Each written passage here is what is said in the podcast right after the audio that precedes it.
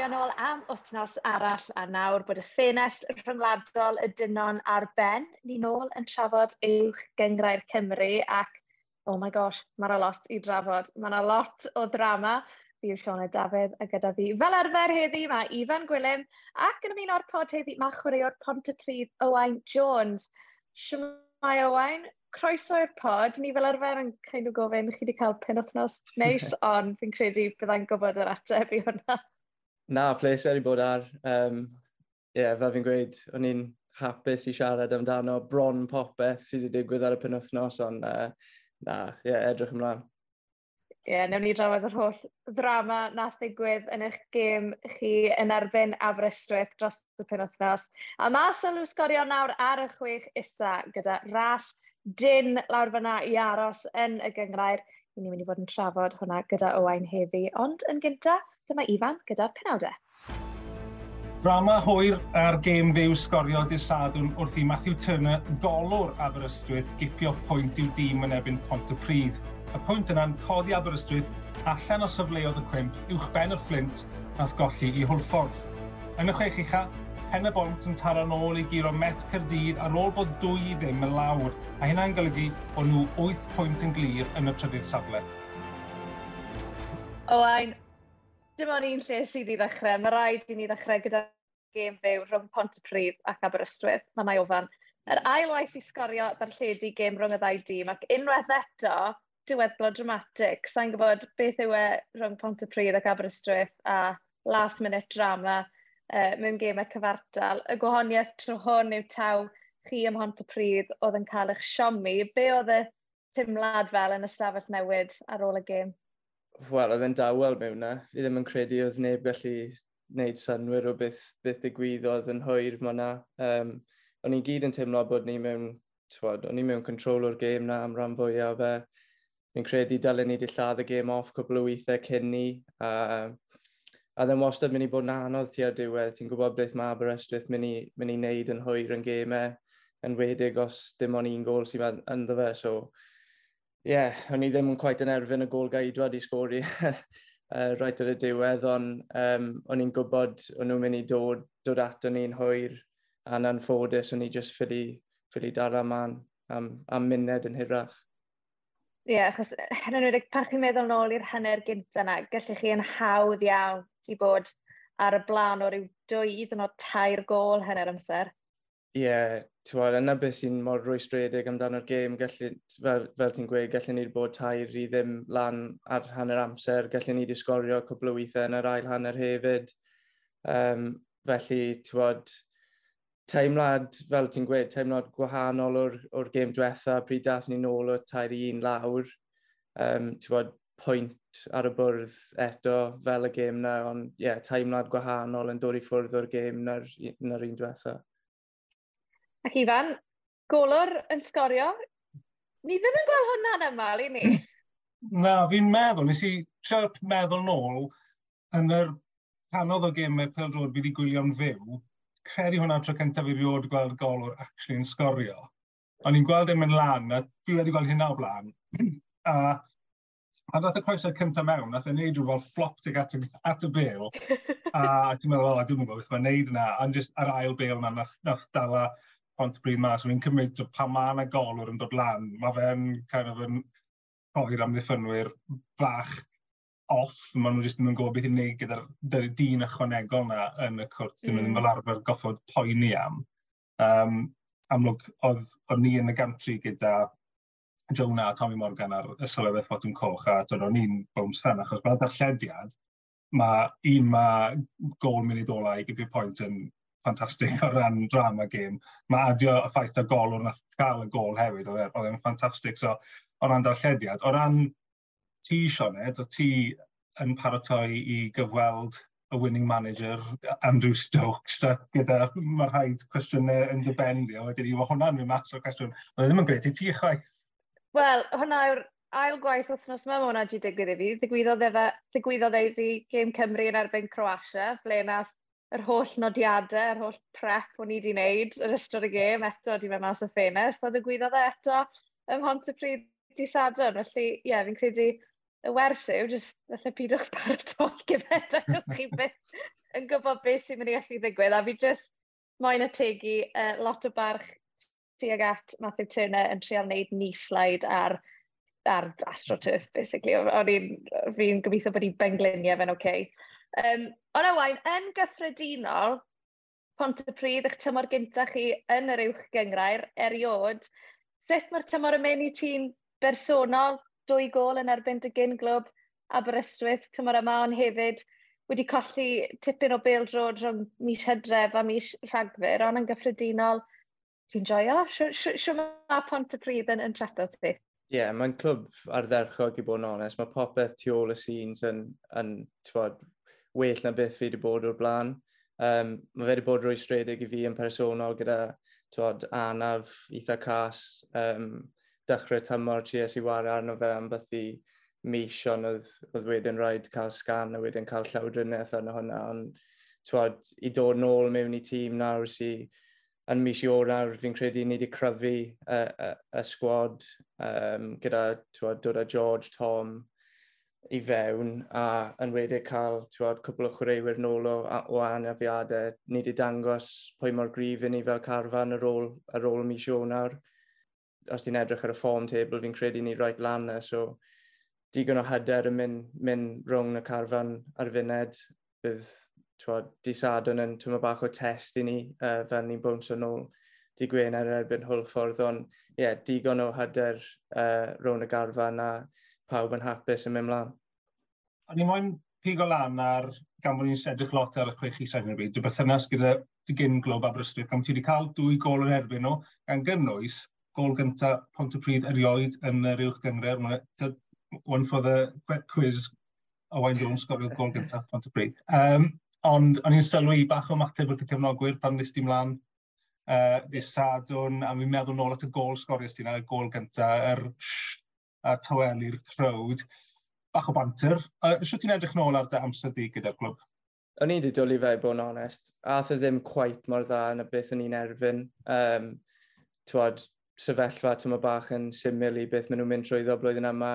Um, lawr y gwylod o'r, or ford a tywad, ffait o bob, bob wythnos, ond ie, yeah, o'n i wedi dwlu fe yna, mae'r clwb, clwb yn gret, mae pawb tu ôl y scenes yn gret, llwyth o parch dy fi a pawb, pawb yn Aberystwyth a tywad, ideal scenario i fi bod ni'n aros lan a maen nhw'n aros lan hefyd. Tywad, dwi ddim moyn gweld nhw mynd, mynd lawr either, so ie, yeah, gobeithio maen nhw'n aros lan, ond on, on definitely gobeithio ni'n aros lan tymor bach yn fwy.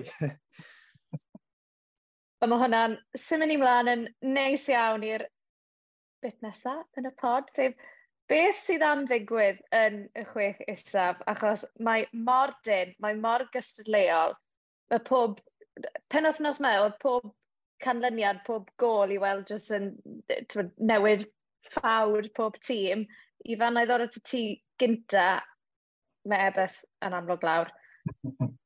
Un clwb arall bydd yn mynd lawr ar hyn o bryd, fel mae pethau'n sefyll, Flint, uh, sydd hefyd yn y ddwy isa ti'n credu neu fflint aros na, neu os bach mwy o newid yn mynd i ddigwydd yn ystod. Hefyd y ffaith oedd yma'n tair gêm sydd ar ôl o'r tymor, felly mae'r clybiau'n dechrau rhedeg mas o amser. Um, fi wedi gweud ers cyn dechrau tymor, o'n i'n mat o ffrind byddai lawr gyda Eibus. A mae yna adegau lle wedi dechrau amau hynna, achos maen nhw wedi bod yn dda ar y degau. Ond nawr, ti'n gallu gweld, fe ti'n gweud, gyda tair gêm ar ôl, ti'n cael gallu gweithio mas lle mae'r pwyntau mynd i ddod, a mae nhw'n chwarae e-bus eto, mae Aberystwyth chwarae e-bus eto. A efo Pontypridd ddim, mae'r ffaith bod nhw yn ddigiro yn y chwech uh, isa hmm. yma, mm. yn ail rhan y dymor, fi'n credu mae hwnna'n mynd i parhau eto, er bod nhw'n siomedig bod nhw'n cael y triffwynt, bod hwnna wedi bod yn triffwynt fawr yno. Um, mae'r ffaith bod nhw'n ddigiro, os nhw'n para'n ddigiro am waith tymor, hyd yn oed os nhw'n tri phwynt maen nhw'n cael, bydd y targen gyfartal fi'n meddwl yn ddigon i cadw nhw lan. Um, fi'n credu mae Triffont yn mynd i ddod i Flint a Aberystwyth, ond bydd nhw'n gwybod ble arall mae'r pwynt yn mynd i ddod yn wedig i Flint, achos gêm ola nhw i weld i cardio at y pryd.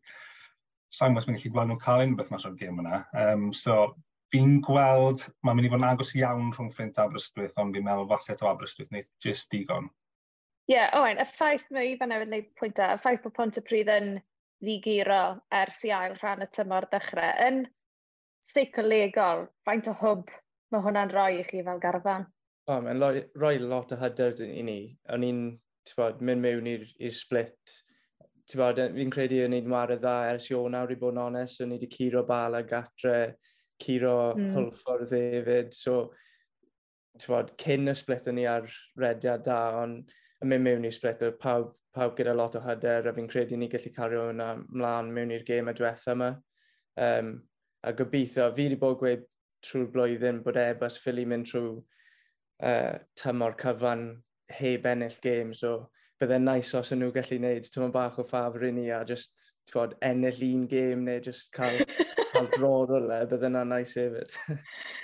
Ie, yeah, mae'n bwynt da, Ifan. Mae Ebas, maen nhw, oh, os bosib, maen nhw'n mynd i fod yn groen banana i rhywun yn ystod y tair wythnos nesaf yma am symud yma. Mae rhaid fi weid, os maen ma nhw'n ennill ar diwrnod ola'r tymor, mae hwnna'n mynd i fod yn hilarious.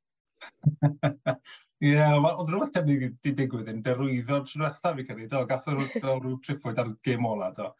Um, os fi ddim yn gweld e-bus, o beth fi wedi gweld ohonyn nhw, yn cael unrhyw beth unrhyw le, really. Mae'n ddiddorol, maen nhw'n chwarae Flint, a mae hwnna'n gêm darbu. A mm. falle fyna yw'r unig lle mae'n gallu gweld achos bod yn gêm ddarbu o'n nhw'n cael unrhyw beth, ond na, fi, fi ddim yn gweld unrhyw beth yn... yn a maen nhw'n mynd i aros ar minus 5 fi'n credu.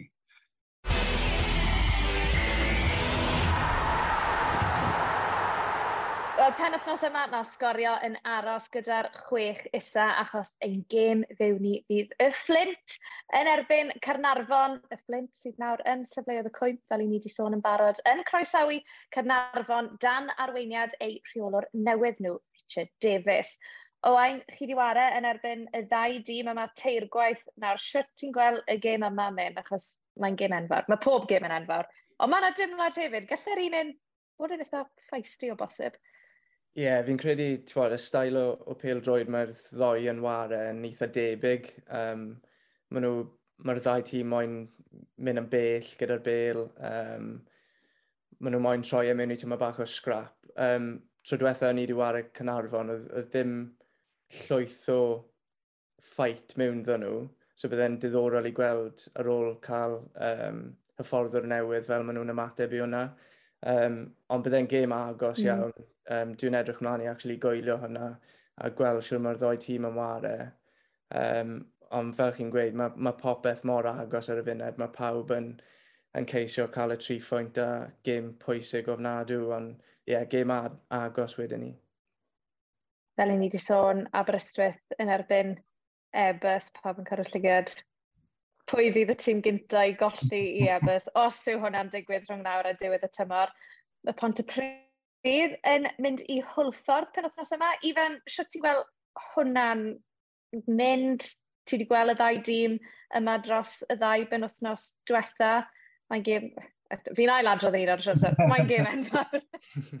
Mae byddai wedi bod yn gêm hyn o'n fwy enfawr os byddai Pryd wedi cadw mlaen i triffwynt yna, achos byddai nhw wedi curo hwlffordd yr wythnos nesaf, sy'n dod, a bydden nhw ar yr un maint o pwyntiau a hwlffordd. Fi'n credu, i fi nawr, mae hwlffordd, fi'n credu maen nhw gyda digon i, i orffen y seithfed nawr, um, gyda uh, uh, beth sy'n digwydd. Mae pob un yn cymryd pwyntiau off ei gilydd o dan nhw. Um, mae hwlffordd yn mynd i wneud e. Fi'n credu falle bydd hi'n agos, bydd pobl yn cael bwlch na tyma bach, ond mi fydd yn digon. Um, y gêm nes i weld oedd y gêm yn ebyn Cynarfon, gêm gyntaf uh, Rich Fish Davis uh, gyda Cynarfon a nhw'n rili really rhwystredig, achos nath nhw ar blaen dwywaith ac yn arfon yn tynnu nhw'n ôl straight away y ddwy tro. Felly, um, na, o'n i'n, mae hwn ffordd yn dda iawn, fi credu bydde pwynt yn dda i bont y pryd mas fyna, achos oedd i cartre, maen nhw'n ma dda getre fyd yn amlwg, uh, hwn ffordd, fi'n credu, ie, yeah, maen ma nhw'n ma nhw'n dda am seithfed a bydd pont y pryd. Fi'n siŵr newn nhw roi gêm da i Holford, a fi'n credu bydde pwynt yn un canlyniad bydd ni'n disgwyl pan fi'n neud y predictions mewn diwedd yr wythnos. Ie, yeah, oen, os ar bwynt chwaraewr, dyfa Holford yw un o'r llefydd y noddau fynd o ddi cartre? Um, no, cwestiwn dda. Fi'n credu pryd chi'n mynd lan i'r gogledd, mae hwnna'n wastod gêm, gêm ei anodd, ac mae rhaid trefili, mae'r um, mae ffordd mae llawer o'r tîm el am yna yn hoffi wario pildrod yn anodd i wario yn erbyn. Um, blwyddyn mm. yma, mae'r record ni yn erbyn y hwl ffordd yn, yn eitha dda, i bod yn onest. Fi'n credu ni wedi ennill doi a wedyn un dro uh, mewn na. So, ie, yeah, maen nhw'n ware tyma bach yn, yn yr un peth yn ni. Maen nhw'n hoffi ware pil drod, so fi'n credu byddai'n gêm eitha bert i watchan am, am, mm am gêm o pil drod. Ond, ie, um, yeah, mae fe'n mynd i bod yn gêm anodd. Maen nhw ar rediad da, mae llwyth o chwarae, chwaraewyr dawnus gyda nhw, felly bydd rhaid ni troi lan yn, yn uh, barod i fynd a ceisio cael y tri phwynt, neu, neu fel mae Ifan yn gweud, cael dod nôl heb colli eto i ffwrdd o gatre, bydd yna'n uh, peth enfawr i ni. Fi'n o bosib yn backtrack o'r tyma bach fan hyn, ond ni wedi sôn am y ffaith bod Pont y Pryd yn ddigiro yn ystod ail hanner y tymor. Beth ti'n credu sy'n tu ôl i hwnna? A hefyd, os ych chi yn aros lan, pa mor bwysig yw e bod chi'n cadw hwnna i fynd tymor nesaf. Achos i ni'n dieddol o wel y patrwm yw bod wastad angen un tymor ar y clybiau newydd yma sy'n dod lan, jyst i sefydlu hi'n ti'n meddwl am Met Cyrdydd, dechrau'n araf yn ei tymor cynta nhw, y bari, a pen y bont yn gorffen yn y chwech isa, ni tymhorau cynta nhw, ond wedyn ni rhywun fel pen y bont sydd wedi bod um, yn y chwech isa bob tymor, ers ni'n credu bod fi'n iawn yn gweud hwnna? Yn uchel, ie, ie. So, ein ti'n credu, yw, twed, i ti'n gweld pont y pryd o bosib yn dilyn patrwm tebyg? Ie, yeah, ti'n credu os chi'n edrych ar y tymor ni hyd at hyn, oedd llwyth o chwaraewyr newydd da ni y dechrau'r flwyddyn, a cymryd e... O'n i'n gweud, chi bach fel Nottingham Forest yw yeah. Cymru, just carfan gwbl newydd. Ie, yeah, carfan gwbl newydd, a oedd wedi cymryd tymor bach i ni sort o gelo fel tîm. Um, a ti'n bod, oedd patch dyn ni yn canol y tymor, oedd llwyth o chwaraewyr mas dyn ni, so tu a ion ar pryd o'n ni'n cael pawb nôl, ni wedi adio chwaraewyr rili really dda i'r carfan yn ion ar hefyd, felly ti gallu gweld beth mae hwnna wedi wneud i'r carfan cyfan. Um, a dwi'n credu, yeah, os ni'n aros lan, gallwn ni wneud pethau lot yn well um, blwyddyn nesaf, ddim yn edrych dros ysgwydd a gwythio fyny a, a a ceisio mynd yn y chwech uchaf? Wel, ni wedi rhoi hyn digon o sylw i'r chwech isa. Dyma bach o round-up o bopeth ddigwyddodd yn y chwech uchaf dros y penwthnos. Y dre newydd yn colli o 5 gol i ddim yn erbyn y seintiau newydd. Y bala yn colli eh, o ddwy gol i un yn erbyn Cei Cona. A wedyn ni y gêm enfawr yng Nghyn Coed. Met Cyrdydd, o'n nhw ar y blaen o ddwy gol i ddim yn erbyn Pen y Bont. Ond wedyn ni, Her y bont yn sgorio tair gol o fewn 10 munud, 11 munud, a tîm Rhys Griffiths yn ennill o dair gol i ddwy. Triphwynt enfawr i nhw. Mae nhw'n nawr 8 pwynt uwch ben y Met Cyrdydd. Wrth gwrs mae'r sefyllfa bod nhw dal o bosib yn mynd i dderbyn 6 pwynt o gosb. Mae hwnna'n parhau i fod yn sefyllfa eitha cymleth, ni'n gobeithio uh, cael bach o update ar hwnna dros y pethefnos nesaf, ond ar hyn o bryd mae pen y bont yn drydydd. A wedyn ni pen othnos yma, mae'r bala yn croesawu dre newydd, Met Cyrdydd yn croesawu Ceicona, a wedyn ni mae'r Seintiau Newydd yn trefili lawr i Ben y Bont.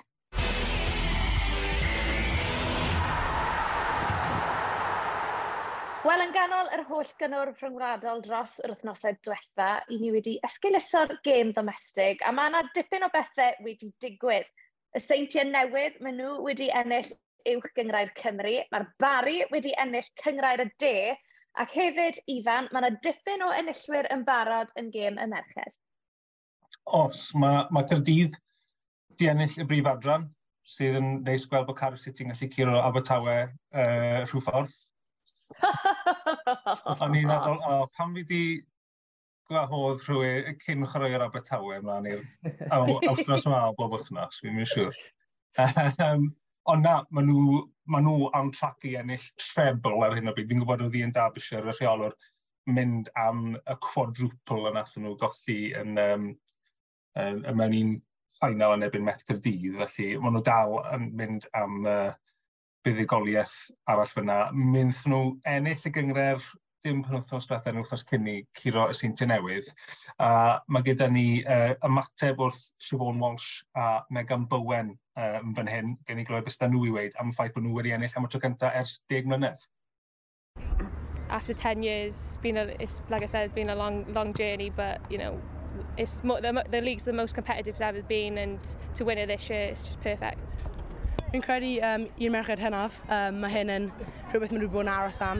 Fi'n credu um, maen nhw wedi gweithio mor galed um, hyn oed yn asod y deg flwyddyn ers enll y cyngor tro diwethaf, maen nhw wastad yn gweithio ni fel y chwaraewyr ifanc. Ni'n ni, ni, dysgu llawer ohonyn nhw oherwydd maen nhw yn cael profiad yn y tîm, maen nhw'n dangos i ni, sut, maen nhw'n dangos y ffordd i ni. Um, a fi'n credu mae'r ma, ma mwyaf o'r uh, pethau mynd i nhw oherwydd nhw sydd wedi ennill yn i ni. Cydydd felly ennill y brif adran yn y de, mae Wrexham wedi ennill adran y gogledd, maen nhw wedi codi'r clws o ran torf o ran torf o 9,500. Hwna'n record o bellffordd ar gyfer. Wel, fi'n credu y game domestic merched o hefyd, fi'n eitha siŵr, game domestic unrhyw un, achos fi'n yn gallu gweld unrhyw un mm. o tîmau uwch yn Cymru'n cael 9,000 a hanner, un o'r Gynarfon neu Bai Colwyn.